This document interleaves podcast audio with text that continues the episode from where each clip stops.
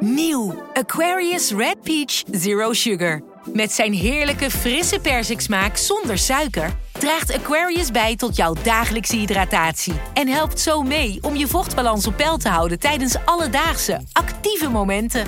Thuis, op het werk of onderweg. Ook verkrijgbaar in smaken lemon en orange. Probeer hem nu. Een maatschappij waarin iedereen meedoet. Een gezonde, groene en rechtvaardige wereld. Daar willen jij en heel veel andere mensen best iets aan bijdragen. In het klein en in het groot. Dicht bij huis en ver weg. Zo hebben we vorig jaar 349 miljoen euro bij elkaar gebracht. Miljoenen waarmee onze goede doelenpartners de wereld elke dag een beetje beter kunnen maken. Nationale Postcode Loterij. Samen voor een betere wereld.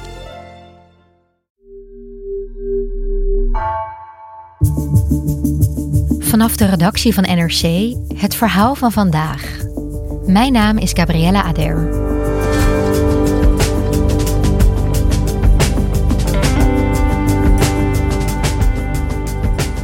Marokko zou jarenlang Europarlementariërs hebben omgekocht om zo besluitvorming te beïnvloeden. In de hoofdrol de Italiaanse sociaaldemocraat Antonio Panzeri en zijn assistent Giorgi. Onderzoeksjournalist Andreas Kouwenhoven reconstrueert hoe zij te werk gingen. Hoe kon dit corruptieschandaal zo lang onopgemerkt blijven?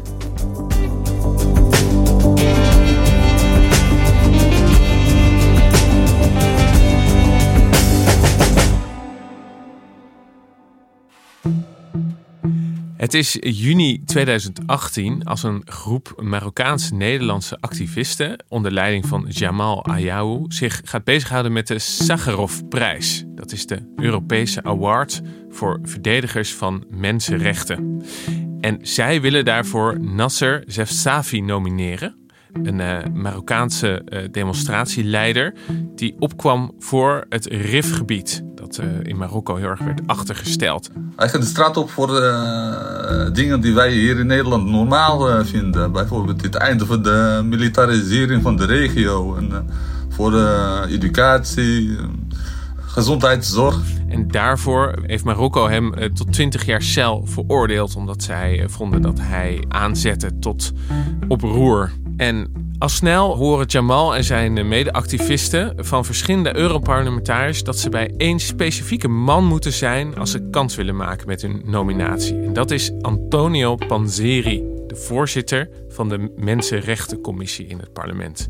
Nou, en na lang aandringen mogen ze ook langskomen in Brussel om het met Panzeri te hebben over hun kandidaat voor de prijs. Maar dat uh, loopt vanaf het eerste moment eigenlijk al heel anders dan verwacht. voordat we naar Panzeri mochten, uh, kwam zijn assistent uh, ons toespreken. Hij uh, probeerde ons eerst te overtuigen om uh, Nasser niet uh, te nomineren. Hij zei tegen ons, stel dit uit naar volgend jaar. Dan kunnen jullie op de steun van Panzeri rekenen. En daarna zei hij tegen ons van, kijk, als jullie Nasser Zefzefi nomineren, dan maken jullie het alleen maar erger voor hem die aandacht voor hem, uh, dat zal de situatie alleen maar verergeren. Zij dachten, dit is een mensenrechtenprijs. En ja, wij vinden het eigenlijk heel gek dat als wij hier komen om, om te vragen van, nou, willen jullie ons steunen? Dat zij dan opeens te horen krijgen van, nou, trek die nominatie eh, anders gewoon in. Dus zij hielden gewoon voet bij stuk en zei, nee, wij willen Panzeri spreken om die prijs in te dienen. Maar ja, die had eigenlijk... Uh, niks anders te melden dan zijn assistent. Het werd een hele korte gesprek, een nutteloos gesprek. Want uh, Panzeri wist van hoe wij daarin stonden, zeg maar. En dat wij uh, vasthielden aan het nomineren van Nasser Sefi. Inmiddels is duidelijk dat deze Panzeri en zijn assistent de hoofdrolspelers zijn van een omkopingsaffaire. De verdenking is dat Marokko en Qatar en zouden hebben gebruikt om beleid te beïnvloeden ten gunste van zichzelf. En samen met Clara van der Wiel, mijn collega, heb ik onderzocht hoe zij te werk gingen de afgelopen jaren binnen dat parlement.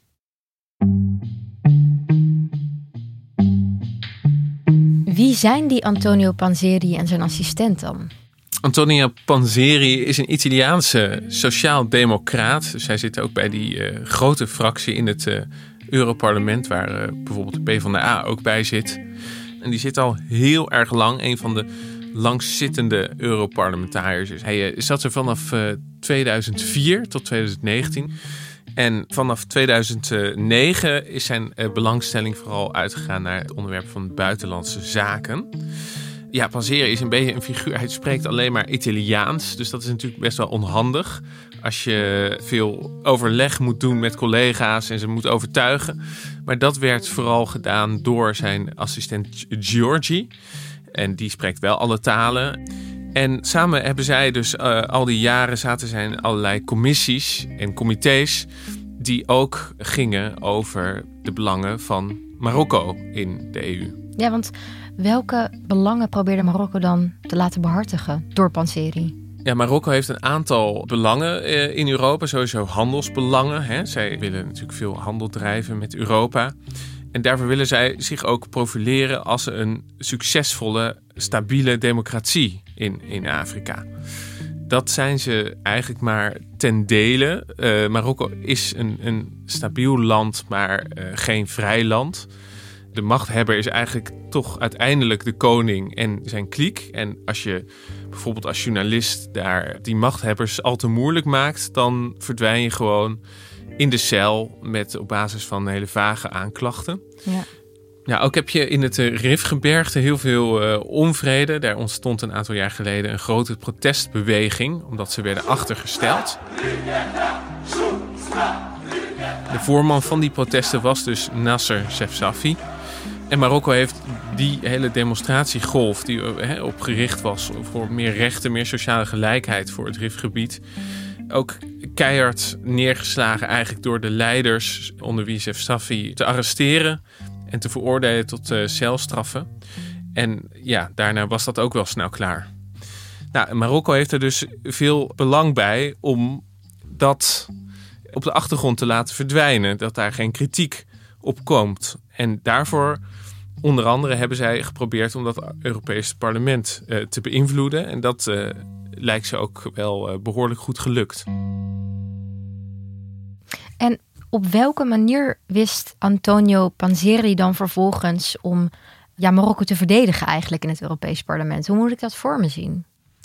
Ja, nou, de, een, een heel interessant inkijkje daarin geven documenten die al in 2014 naar buiten zijn gekomen toen werd er een hele bulk aan diplomatieke stukken uit Marokko gelekt door een ja, hele mysterieuze hacker.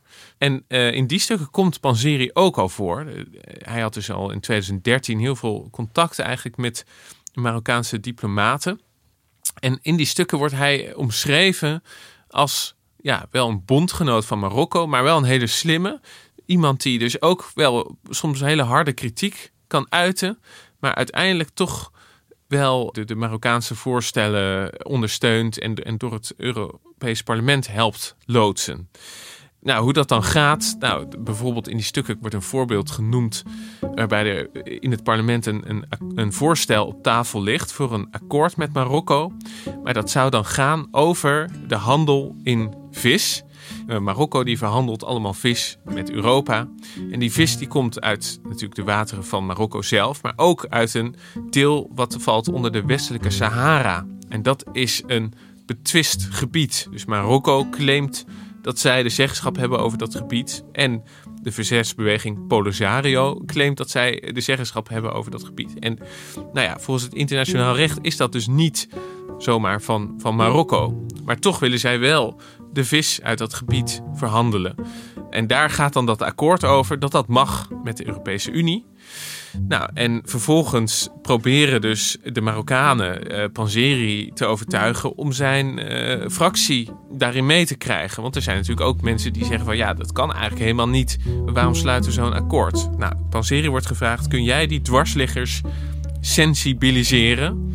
Daarmee bedoelen ze uh, overtuigen om gewoon voor te stemmen. Nou, uh, uiteindelijk lukt het in ieder geval om dat uh, voorstel aangenomen te krijgen. Maar ja, hoe hij dat precies heeft gedaan, dat wordt niet duidelijk uit de documenten. Ja, Panseri werd dus in ieder geval ingezet om andere Europarlementariërs te overtuigen om te gaan stemmen voor datgene wat voor Marokko gunstig was.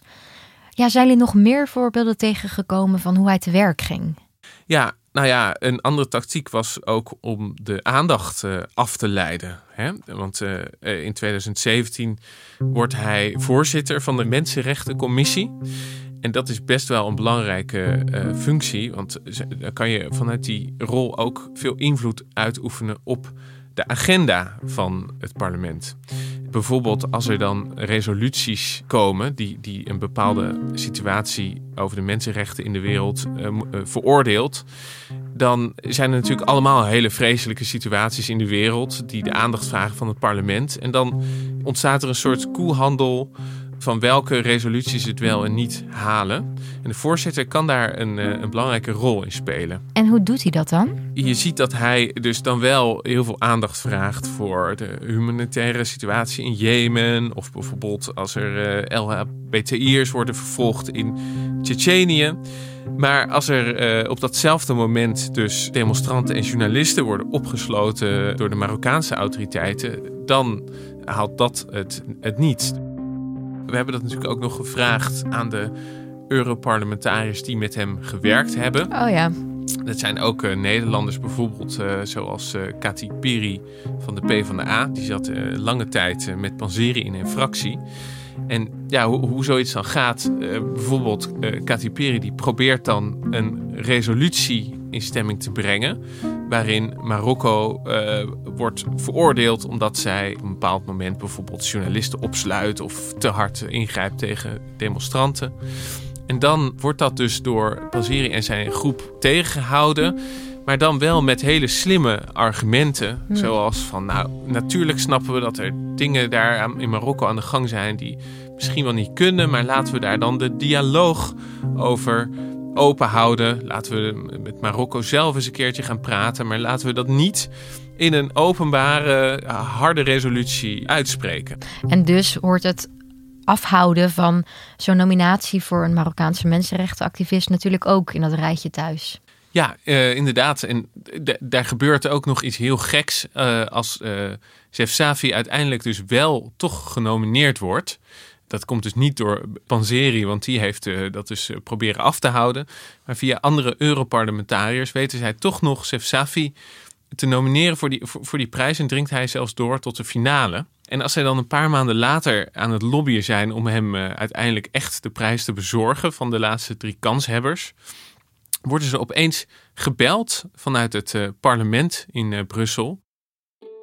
We gingen naar een restaurant in, de, in Brussel zelf. We gingen daar eten. En opeens kregen we een telefoontje van een Europarlementariër. Hij zei dat Panzerni ons uh, wilde toespreken. Nou, de activisten die denken van, nou, misschien is Panzeri bijgedraaid. Dus uh, is een deel van ons teruggegaan naar het Europees Parlement. Daar aangekomen waren daar uh, vier personen. ze namen ons mee. Dus, nou ja, ze denken, oké, okay, kennelijk...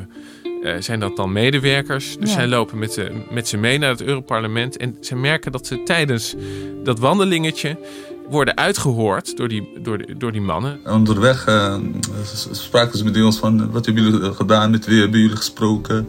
Echt een soort van, ze probeerden alle soorten info uh, uh, te krijgen. En uiteindelijk verdwijnen die mannen ook weer. En uiteindelijk bleek er helemaal geen panzer te zijn. Zo, zo simpel is dat.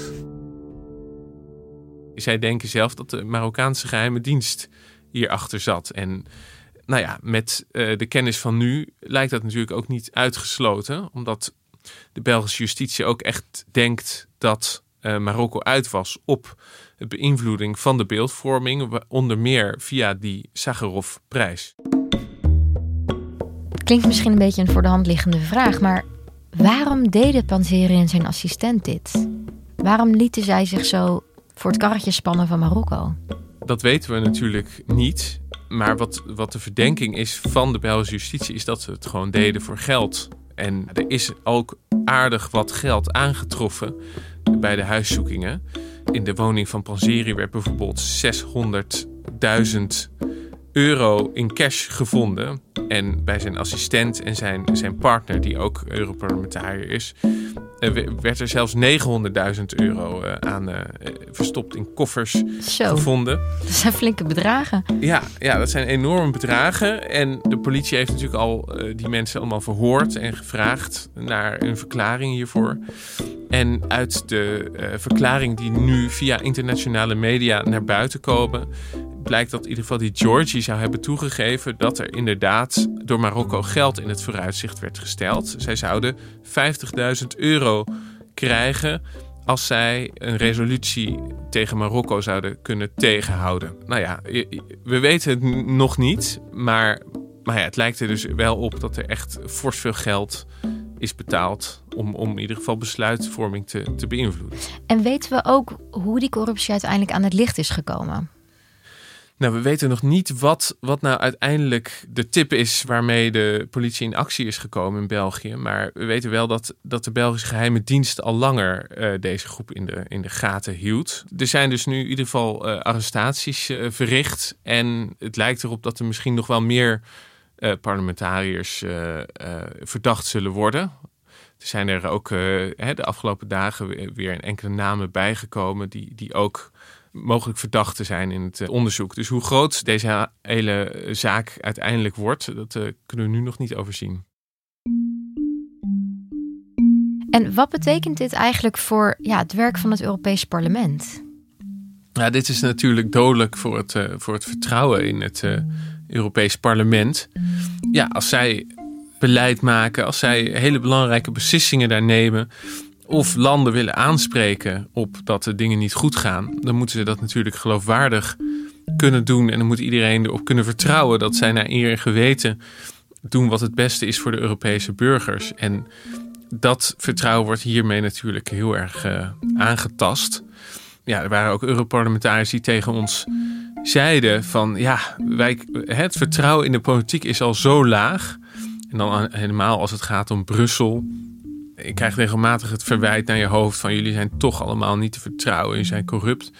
En met zo'n affaire eroverheen, eh, ja, wordt dat natuurlijk, natuurlijk alleen maar versterkt. En nou, dat is dus dodelijk. Dankjewel, Andreas. Geen dank.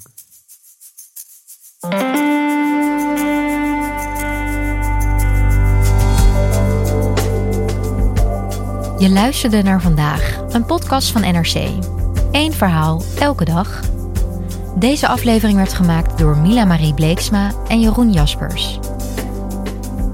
Dit was vandaag, morgen weer.